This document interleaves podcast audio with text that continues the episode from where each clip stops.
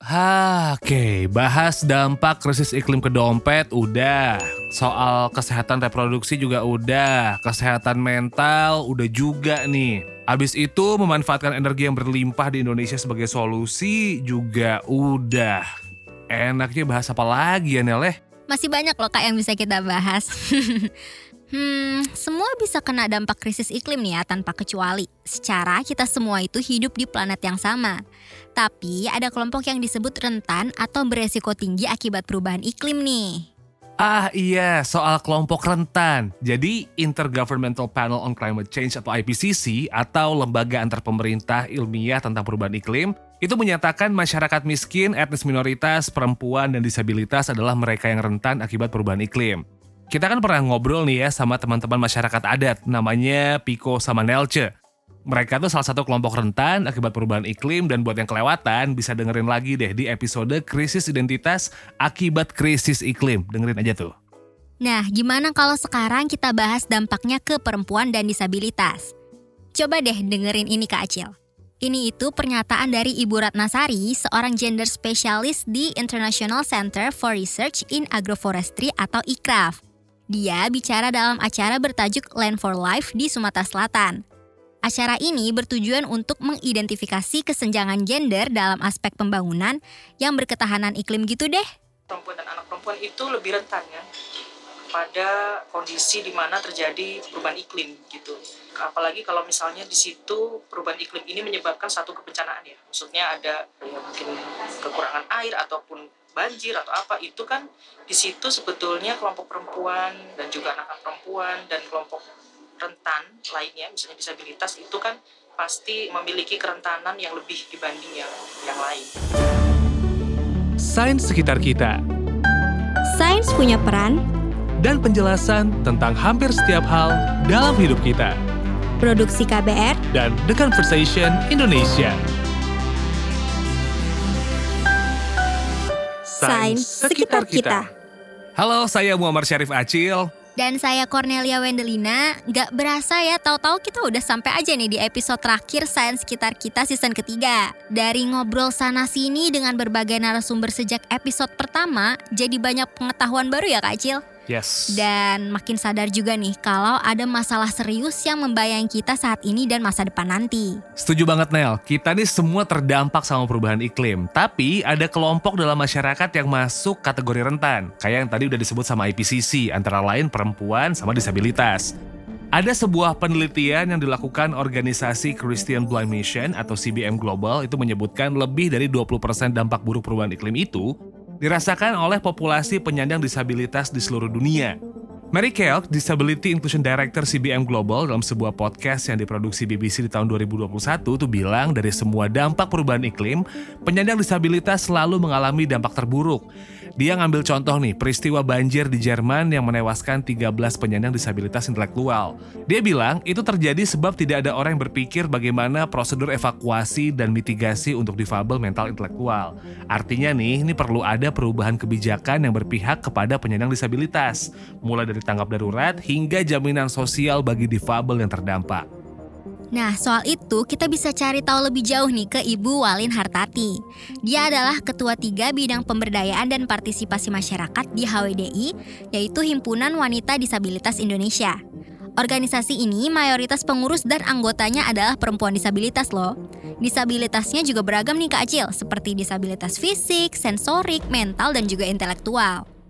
Perubahan iklim merupakan salah satu penyebab bencana Misalnya tanah longsor, banjir, gempa bumi, kekeringan. Nah, hal itu sangat berdampak pada perempuan, apalagi penyandang disabilitas.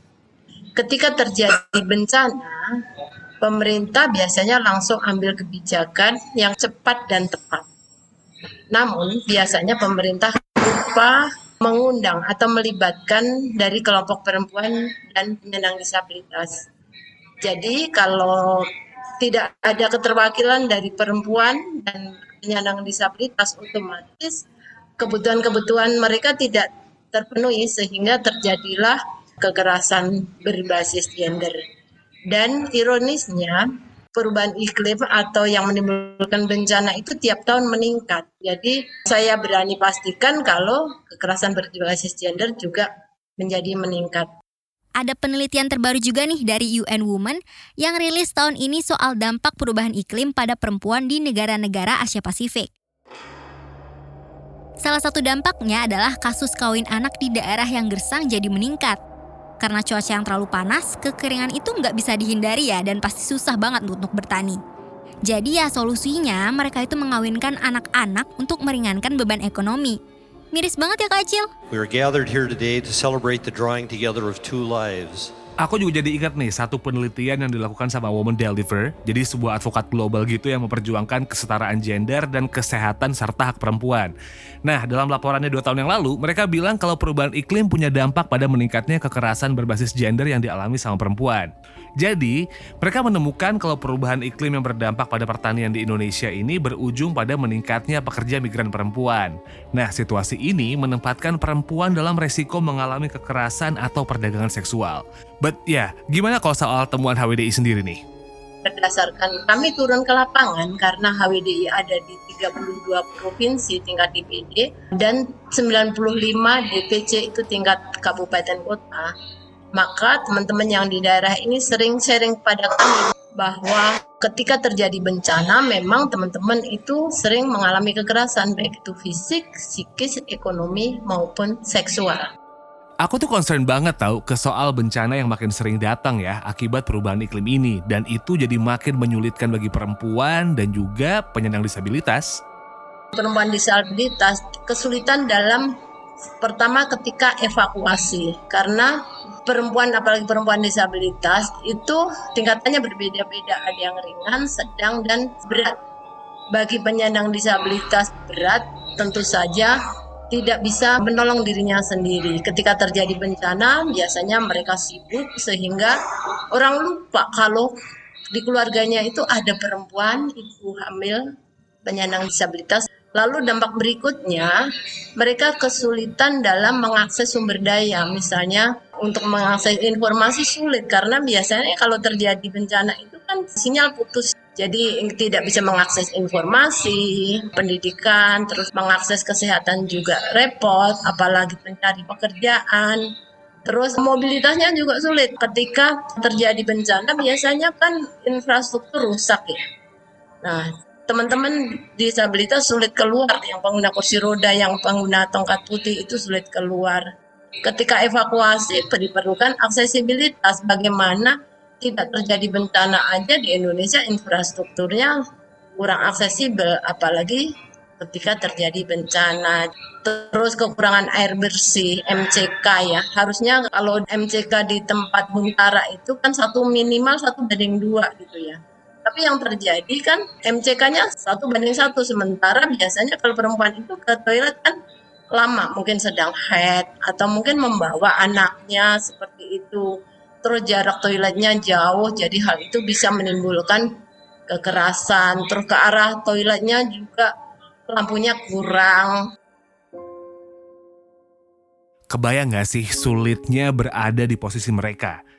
Sayangnya nih, kalau menurut seorang profesor di Universitas McGill Kanada, Sebastian Jodoyen, meskipun perempuan dan kelompok difabel sangat rentan, tapi mereka diabaikan dalam tanda petik karena tidak dilibatkan dalam rencana-rencana yang berkaitan soal iklim. Kalau perempuan dan penyandang disabilitas itu dilibatkan dari awal ketika membuat perencanaan, ketika membuat kebijakan, sehingga mereka terwakili ya. Biasanya kan membuat asesmen dulu ya, apa sih kebutuhan perempuan gitu ketika terjadi bencana biasanya tepat dan cepat. Tidak boleh cepat tapi tidak tepat itu nggak boleh. Dan prioritasnya apa? Prioritasnya kan harus selamatkan nyawa dulu gitu ya. Nah setelah sudah pada ngungsi pada tinggal di Guntara gitu mereka kan ada kebutuhan-kebutuhan. Kalau tadi perempuan dan penyandang disabilitas itu dilibatkan dari awal otomatis kebutuhannya terpenuhi. Biasanya kalau misalnya nggak dilibatkan kan udah bantuan semua sembako sama gitu pakaian dalam pembalut itu kan jarang sekali terpikirkan dan teman-teman disabilitas itu banyak yang hilang juga kan selagi mereka dilibatkan kami rasa kesadaran masyarakat makin tinggi dan dampaknya itu sangat bisa diminimalisir. By the way nih Kak Acil, barusan aku lihat nih ada program HWDI yang cukup menarik banget loh. Namanya program Seribu Pembalut. Jadi pembalut ini itu dibuat dari kain supaya mengurangi sampah plastik dan lebih hemat. Hitung-hitung menjaga lingkungan gitu kan ya. Terus nih, pembalut kain ini dijahit sama teman-teman disabilitas, jadi juga membuka lapangan kerja untuk mereka. Nah, nantinya pembalut kain itu dibagikan ke panti-panti atau yang membutuhkan, misalnya saat terjadi bencana. Balik lagi nih ya, tampaknya memang negara masih belum merangkul dan melibatkan kelompok rentan ya Kak Acil. Padahal sebenarnya PBB itu udah mendesak negara-negara anggota untuk membuat kebijakan melindungi penyandang disabilitas dalam isu perubahan iklim. Ini itu disampaikan di Konferensi Perubahan Iklim atau COP 2021 di Glasgow. Sebenarnya udah ada beberapa dokumen internasional kayak Paris Agreement yang memuat isu gender dan perubahan iklim, Nel. Terus juga ada konvensi mengenai penghapusan segala bentuk diskriminasi terhadap wanita atau CEDAW yang sudah diratifikasi Indonesia di tahun 1984. Tapi kayaknya mentok di part implementasinya ya, Kak. I don't know. No comment. Pokoknya gitulah ya. But anyway, apa ada lagi kebijakan lainnya di Indonesia yang berkaitan dengan perubahan iklim dan disabilitas ya Bu Walin ya? Ada CRPD, Convention on the Right of Person with Disabilities. Itu tahun 2011 Indonesia sudah meratifikasi itu. Nah, yang terkait dengan pengurangan risiko bencana ada di pasal 11. Terus ada Undang-Undang Nomor 8 tahun 2016. Terus ada SDGs ya, SDGs kalau gender kan di kelima, Terus yang tentang perubahan iklim itu ada di goal ke-13. Terus ada Perka BNPB itu nomor 14 tahun 2014 tentang penanganan, perlindungan dan partisipasi penyandang disabilitas dalam PB, nanggulangan bencana. Terus banyak sekali PP PP ya, peraturan turunan dari Undang-Undang Nomor 8 itu misalnya PP nomor 42 tahun 2020. Banyak sekali peraturan itu sudah ada. Banyak banget loh ternyata. Kalau dari HWDI sendiri, upaya-upaya apa aja sih yang udah dilakukan? Kalau upaya HWDI ada beberapa tentang pengurangan risiko bencana itu HWDI dimasukkan dalam program kerja HWDI itu termasuk dalam isu strategis ya rencana strategis yang kedua, HWD juga memberikan kesempatan kepada anggotanya untuk mengikuti pelatihan-pelatihan di luar yang terkait dengan perubahan iklim dan pengurangan risiko bencana. Terus saat ini HWDI sudah mempunyai beberapa fasilitator yang untuk di RR disaster risk reduction itu ada sekitar 12 gitu tapi teman-teman di daerah seperti itu dan HWDI juga membuat pelatihan-pelatihan. Misalnya kemarin ketika terjadi COVID itu kan pemerintah membuat kebijakan belajar bekerja beribadah dari rumah gitu ya. Itu justru dijadikan peluang HWDI untuk memberikan peningkatan kapasitas ke teman-teman dan HWDI juga saat ini membantu terlibat aktif dalam penulisan modul yang didukung oleh ASB, Arbiter sama Ritter pun bekerja sama dengan BNPB dan BPBD dan saat ini modulnya sedang diuji cobakan. Jadi di saat pra bencana kami melakukan beberapa pelatihan untuk meminimalisir dampak-dampak negatifnya. Wah keren banget sih ini. Jadi penting buat memastikan kalau teman-teman disabilitas tuh bisa berdaya ketika terjadi bencana. Dan yang gak kalah penting adalah keseriusan pemerintah untuk melibatkan kelompok perempuan dan difabel dalam merumuskan dan juga mengimplementasikan kebijakan terkait mitigasi dan adaptasi perubahan iklim. Faktanya kan udah jelas nih, kalau bencana terjadi, perlindungan terhadap mereka sering kali luput dari perhatian. Profesor Jodoin dalam penelitian juga menemukan bahwa saat terjadi badai Katrina di Amerika Serikat di tahun 2005 lalu, banyak pengguna kursi roda yang terdampar karena nggak ada rencana evakuasi untuk mereka. Bisa-bisanya ya, hal kayak gini tuh ke skip. Ini sih nggak boleh terulang lagi di mana pun. Tolong implementasikan peraturan yang sudah ada. Kampanye-kampanye tentang apa sih perubahan iklim, dampaknya apa sih? Jadi memberikan edukasi ke masyarakat tentu saja melalui media massa baik itu cetak maupun elektronik karena media massa merupakan alat komunikasi yang sangat fleksibel. anak muda sekarang itu saya berani bilang IT-nya lebih bagus ya dari saya yang yang sudah mak-mak gitu ya. Jadi harus saya akui. Jadi mereka bisa melakukan banyak hal, membuat video-video dokumenter itu ya, film-film dokumenter yang mengedukasi masyarakat ya dampak perubahan iklim. Terus nanti kalau terjadi bencana apa yang harus kita lakukan? Terus membuat assessment data pilah gitu ya apa sih kebutuhan perempuan, apa kebutuhan teman-teman disabilitas melalui teknologi itu teman-teman anak-anak muda itu sangat bisa membantu. Bisa jadi konselornya juga. Bisa jadi misalnya ada yang trauma atau apa bisa healing juga, trauma healing. Banyak sekali anak muda sangat punya potensi di situ. Nggak bisa dipungkirin ada masalah serius yang membayangi kita saat ini dan masa depan nanti. Namanya krisis iklim ya. Tapi bukan berarti kita menyerah dan putus asa. Kayak kata pepatah aja, di mana ada kemauan, di situ ada jalan. Saya Muhammad Syarif Acil. Dan saya Cornelia Wendelina. Terima kasih ya sudah setia mendengarkan Sains Sekitar Kita sampai episode terakhir season ketiga ini. Buat kamu yang belum mendengarkan lengkap episodenya, silakan kunjungi kbrprime.id.